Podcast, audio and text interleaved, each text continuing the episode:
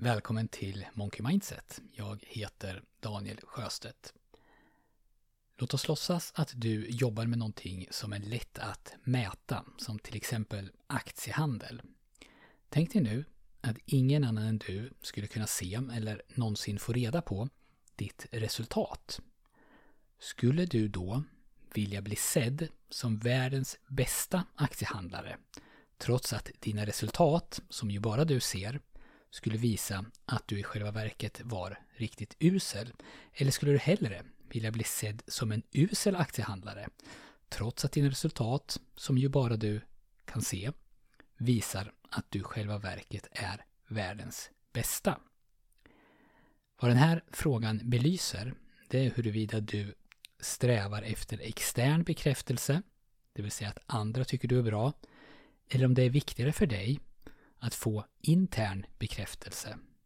Alltså att du själv vet att du är bra oavsett vad andra tror och tycker.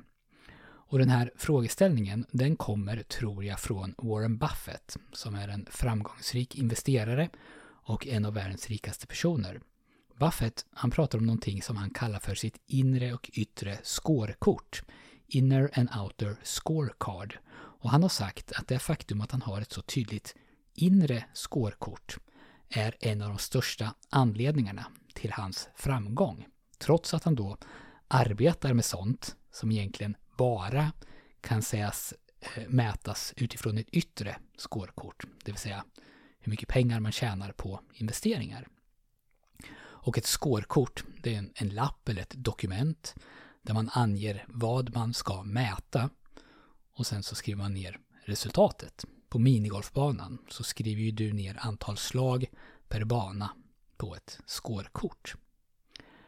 Den som guidas mest av sitt yttre skårkort, den personen räknar framgång på det mer traditionella viset. Pengar, status, titlar, kanske berömmelse, antal följare till exempel. Sånt som på ytan kan sägas handla om bekräftelse från omvärlden. Det inre skårkortet det innehåller sånt som principer och värderingar. Lever jag i enlighet med vad jag tycker är rätt? Och prioriterar jag sånt som på riktigt är viktigt för mig? Ligger mina handlingar i linje med min egen etik och moral? Är det jag eller är det någon annan som har definierat vad framgång betyder för mig? Det är ju inte så, absolut inte, att det yttre skårkortet är oviktigt, men en förutsättning, tror jag i alla fall, för att kunna njuta av den typen av framgång som man får av ett bra yttre skårkort, det är att ha koll också på ditt inre skårkort. Annars är det så himla lätt att tappa bort sig själv. Man kanske kämpar och kämpar för att åstadkomma någonting, men när du väl är där så känns det bara tomt. Eller så är du så fokuserad på målet att du kanske till och med tar genvägar och gör sånt som du innerst inne inte kan stå för, för att nå fram. Eller så spelar det ingen roll hur bra det än går för dig, hur duktig du än är eller hur mycket beröm du än får av andra. Du mår ändå inte bra, eller du känner dig ändå inte tillräcklig. Du kan alltså inte glädjas åt berömmet.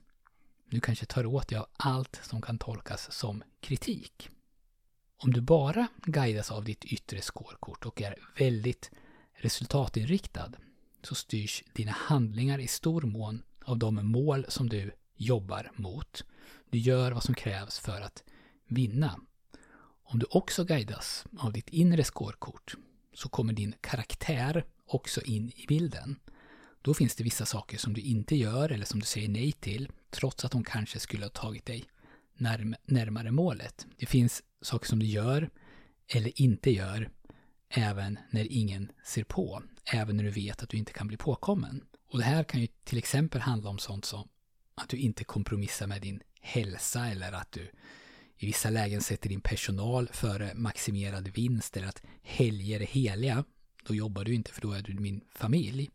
Eller att du säger nej till en försäljning när du anar att du inte kan leverera det kunden vill ha.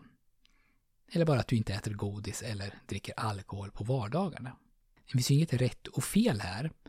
Men det handlar ju om vem du är, eller kanske snarare om vem du vill vara och att du definierar det.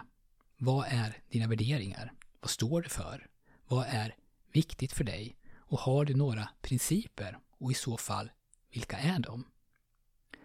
När man befinner sig i en situation där man känner press utifrån eller kanske inifrån sig själv, då är det lätt hänt att man frångår sina principer. Särskilt om det inte är någonting som man har tydligt definierat inför sig själv i förväg, utan bara är någonting diffust. Men det kanske känns fel i magen.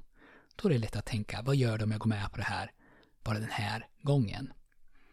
Men om du lyfter blicken och tänker lite större, alltså kommer bort från det här perspektivet här och nu. För det som händer här och nu, det känns ju alltid mycket viktigare än vad det egentligen är. Om du gör det, så kommer du se att det blir alla undantag från dina principer som definierar dig. Snarare än vad, vad dina principer säger. Om du var ledare, hur skulle du då se på någon som var principfast med tydliga värderingar och stark karaktär? Alltså en person som kanske inte alltid håller med dig, men du vet ändå var du har honom eller henne och du vet att du kan lita på att hon håller fast vid sina principer även när det blåser. Och om du ber henne göra någonting som går emot hennes värderingar så säger hon nej. Jämför det med hur du skulle se på någon som istället hade svajiga eller inga principer och vars karaktär berodde på vad du sa till henne att göra. Hon kanske visar tveksamhet när du säger till henne att göra något som går emot hennes principer. Hon vill egentligen inte. Men om du tjatar eller höjer rösten eller sätter press så får du din vilja fram. I stunden, på kort sikt, så kan det förstås vara mest bekvämt att ha någon som lyder dig oavsett om det du säger är tveksamt, moraliskt kanske. Och hur du ser på de här personerna, det beror ju förstås också på din karaktär och dina principer.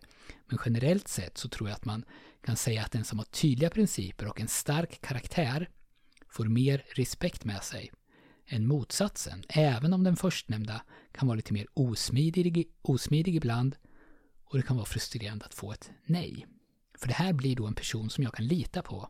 Och om jag är ledare så är det tryggt att lämna över vissa beslut eller arbetsuppgifter till den här personen eftersom jag känner eh, hans eller hennes karaktär.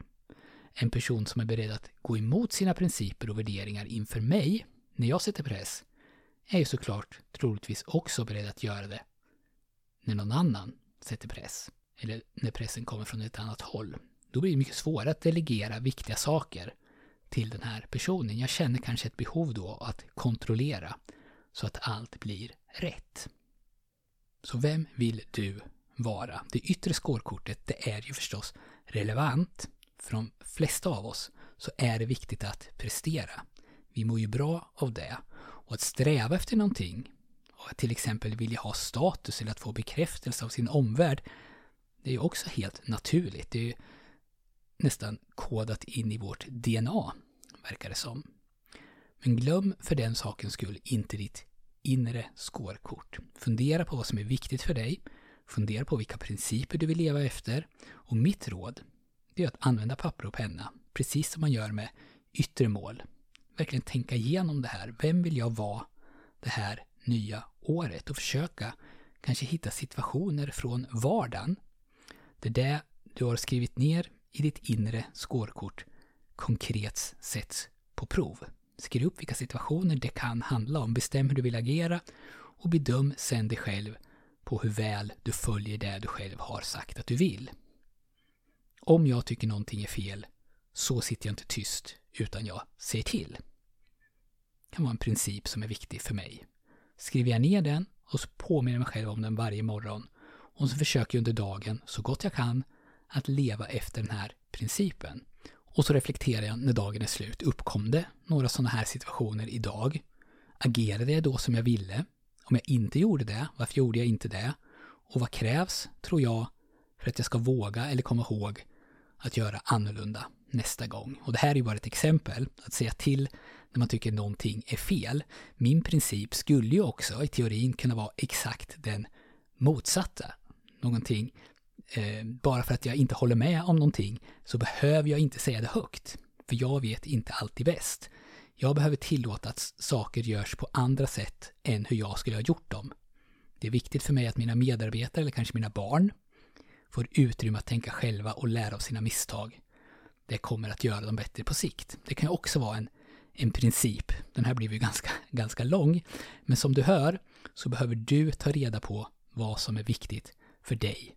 Eller vad du vill ska vara viktigt för dig. Så skriv ner, agera, utvärdera och reflektera. Om och om och om igen. För att sakta men säkert bli den person som du vill vara. Tack så mycket för att du har lyssnat till det här avsnittet som har handlat om yttre och inre skårkort. Jag hoppas att vi hörs snart igen.